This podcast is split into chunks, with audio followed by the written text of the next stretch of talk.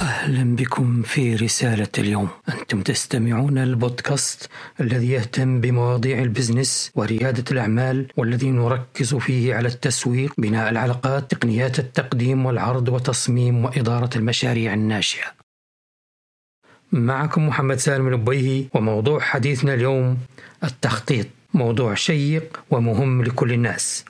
تابعوا معنا هاي الجلسة وفي نهاية الحلقة أعطونا آرائكم واقتراحاتكم باش نحسن من الحلقات القادمة بإذن الله.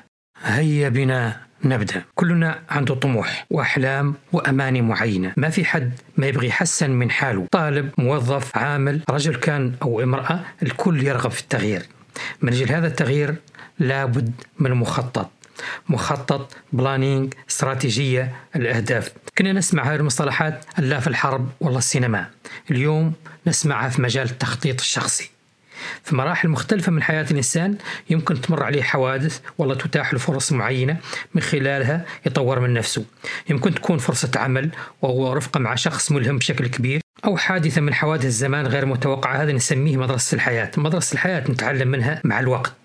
مفروض علي وعليك وعلى كل حد. لأنه الإنسان يتعلم منها بالقوة. ما هو بإرادته؟ ولكن الأصح أنك ما تنتظر السنين ما تنتظر السنين باش تعلمك السليم أنك تبادر بنفسك باش تبني ذاتك وشخصيتك على كل حال دون أن تغفل الاستفادة من الحوادث والتجارب. بمعنى أعرف حاجتك وزن نفسك أنت وين بالضبط وفين ماشي.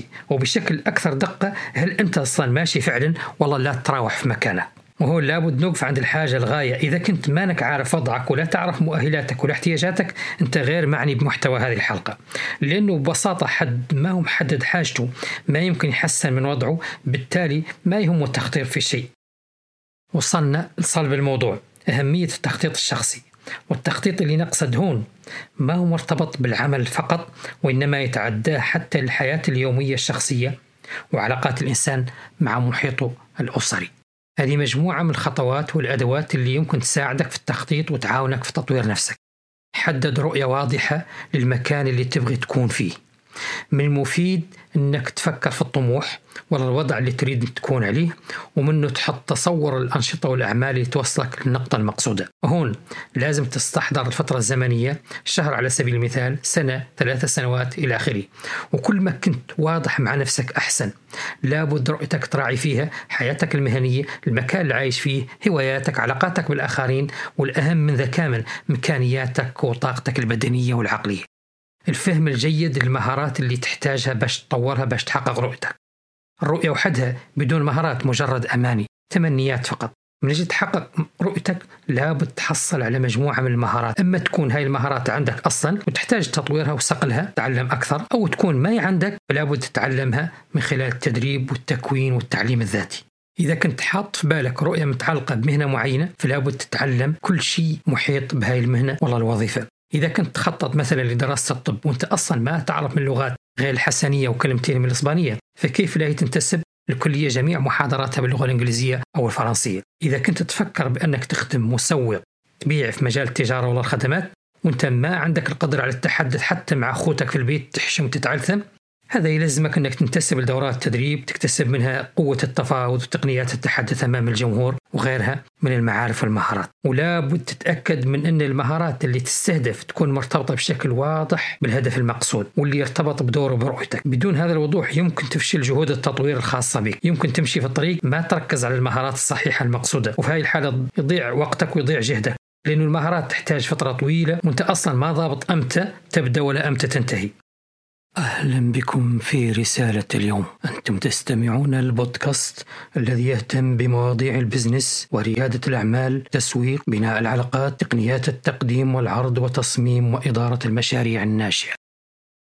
لا نتعلم مع بعض قاعدة مهمة. في عملية التخطيط. تقول القاعدة بأنه الفرق بين مكانك اليوم والمكان اللي تطمح أنك تكون فيه يساوي تكلفة المهمة. رغم إني ما نفهم في الرياضات ياسر وما نفهم في المعادلات كيف ما يعرف صديقي سعيد محمد الشيخ اللي كان يجلس بجنبي لكن هذه المعادلة واضحة جدا. كل ما كانت الغاية والله المكان اللي باغي تصبره بعيد كل ما كان العملية صعبة وتحتاج المهارات وتحتاج التقنيات وتحتاج الجهد كبير. هذه القاعدة أقرب ما تكون للمثل الشعبي دوني من الأرض ينعت اللقص منها. ننتقل كذلك لتحديد الأولويات. ما يمكن تقوم بكل شيء دفعة واحدة. وهذا كنت تكلمت عنه في الحلقة السابقة لعملية تحديد الأولويات. حاول تسوي لنفسك دائما قبل ما تبدأ في أي خطوة سؤالين. شنو أهمية هذه الخطوة وشنو حجم تكلفتها؟ في هذه الحالة تعود عندك فكرة أفضل عن المجالات اللي تستوجب التعجيل لأنها أكثر أهمية من المجالات والأعمال الأخرى. لابد نعرف الوسيلة باش ننتقل من حالة لحالة أفضل منها. على سبيل المثال أنا نخطط لمكانة والله عمل والله وظيفة يتطلب مني الإحاطة باللغة الإنجليزية. لابد نفكر بالوسيلة اللي نجعل من اللغة الإنجليزية هي اللغة الأساسية واللي نتقنها بشكل كبير.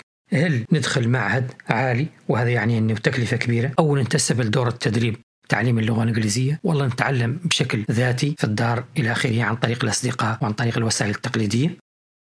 هاي كاملة خيارات مطروحة قدامي. خاصة نشوف الخيار اللي يناسبني واللي يحقق لي الغاية بأقل تكلفة. لابد تعمل مخطط مفصل يوضح كل المراحل والخطوات موزعة على الأسابيع والأشهر والسنة وحتى على الأيام إذا كان ممكن. إذا نظمت المخطط بهالشكل فأنت تسهل عليك عملية التقدم بالمسار الصحيح. يمكن اعتبار تخطيط وتنفيذ تطويرك الشخصي بمثابة استراتيجية. أين تريد أن تكون وكيف ستصل إلى هذا الهدف؟ وين بديت نفكر في تنمية نفسي لأول مرة؟ حسيت بأني ما نعرف شيء نهائيا. ما عندي أي مهارة ماني عارف أنا وين ولا أين ماشي. هاي حالة صحية على كل حال يمر بها ياسر من الناس حتى الناس المتمكنين وأصحاب العمل. وين يجلسوا مع أنفسهم أو مع مستشار خبير في مجال التوجيه؟ أحيانا سؤال واحد يربكهم ويخليهم يفكروا في الأمر مدة ساعة. إذا صار معك هذا الشعور فأنت على كل حال طبيعي ويمكن تتعلم وتستفيد. وإذا حسيت بأنك فاهم فاهم كل شيء فأنت أما بطل عظيم أو مستهتر جاهل. ما يمكن تحسن كل شيء دفعة واحدة. والأحسن أنك ما تحاول هذا. ركز على مجال واحد أو مجالين كل مرة ومع الوقت لا تشوف التحسن. من المهم أنك تتعلم كيف تحدد هدف والله أهداف شخصية فعالة. ومن بعد ما تعرف هذا الهدف تخلق لنفسك حافز باش تحققه. هذا هو جوهر التطوير الشخصي. وهو عبارة عن مجموعة من المهارات والمعارف والخبرات تساعدك مع إرادة مولانا على الوصول إلى إمكانياتك الكاملة في العمل. والله الدراسة والله في حياتك الشخصية. ولربما تكون القدرة على التعلم هي أهم مهارة حياتية يمكن نتعلمها ونمتلكها. لأن التخطيط والتنمية الشخصية عملية تستمر مدى الحياة. كل يوم نتعلم كل يوم نستفاد منش تمثلا لحديث الرسول صلى الله عليه وسلم إن قامت الساعة وفي يد أحدكم فسيلة فإن استطاع أن لا تقوم حتى يغرسها فليغرسها. يمكن يساعدك تعلم مهارة تحديد الأهداف في الحياة بصفة عامة وتزيد من ثقتك بنفسك وتوريك الطريق الأقصر والأقل جهد وتكلفة. في هذه الحلقة تحدثنا باختصار عن كيفية إنشاء خطة التطوير الشخصية. الآن يمكن تجلس مع نفسك وتفكر في تطلعاتك وفي أهدافك وكيف تنزل خطة مناسبة لك باش تحقق أهدافك. لمساعدتك في إنتاج خطة تطوير شخصية ما تتردد فاش تتصل بنا وتطلب استشارة كان معكم محمد سالم البويهي في حلقة من بودكاست رسالة اليوم. أنتجت هذه الحلقة باستوديو شركة البويهي فيزيون وتم إخراجها من قبل لالا الإسماعيلي. السلام عليكم.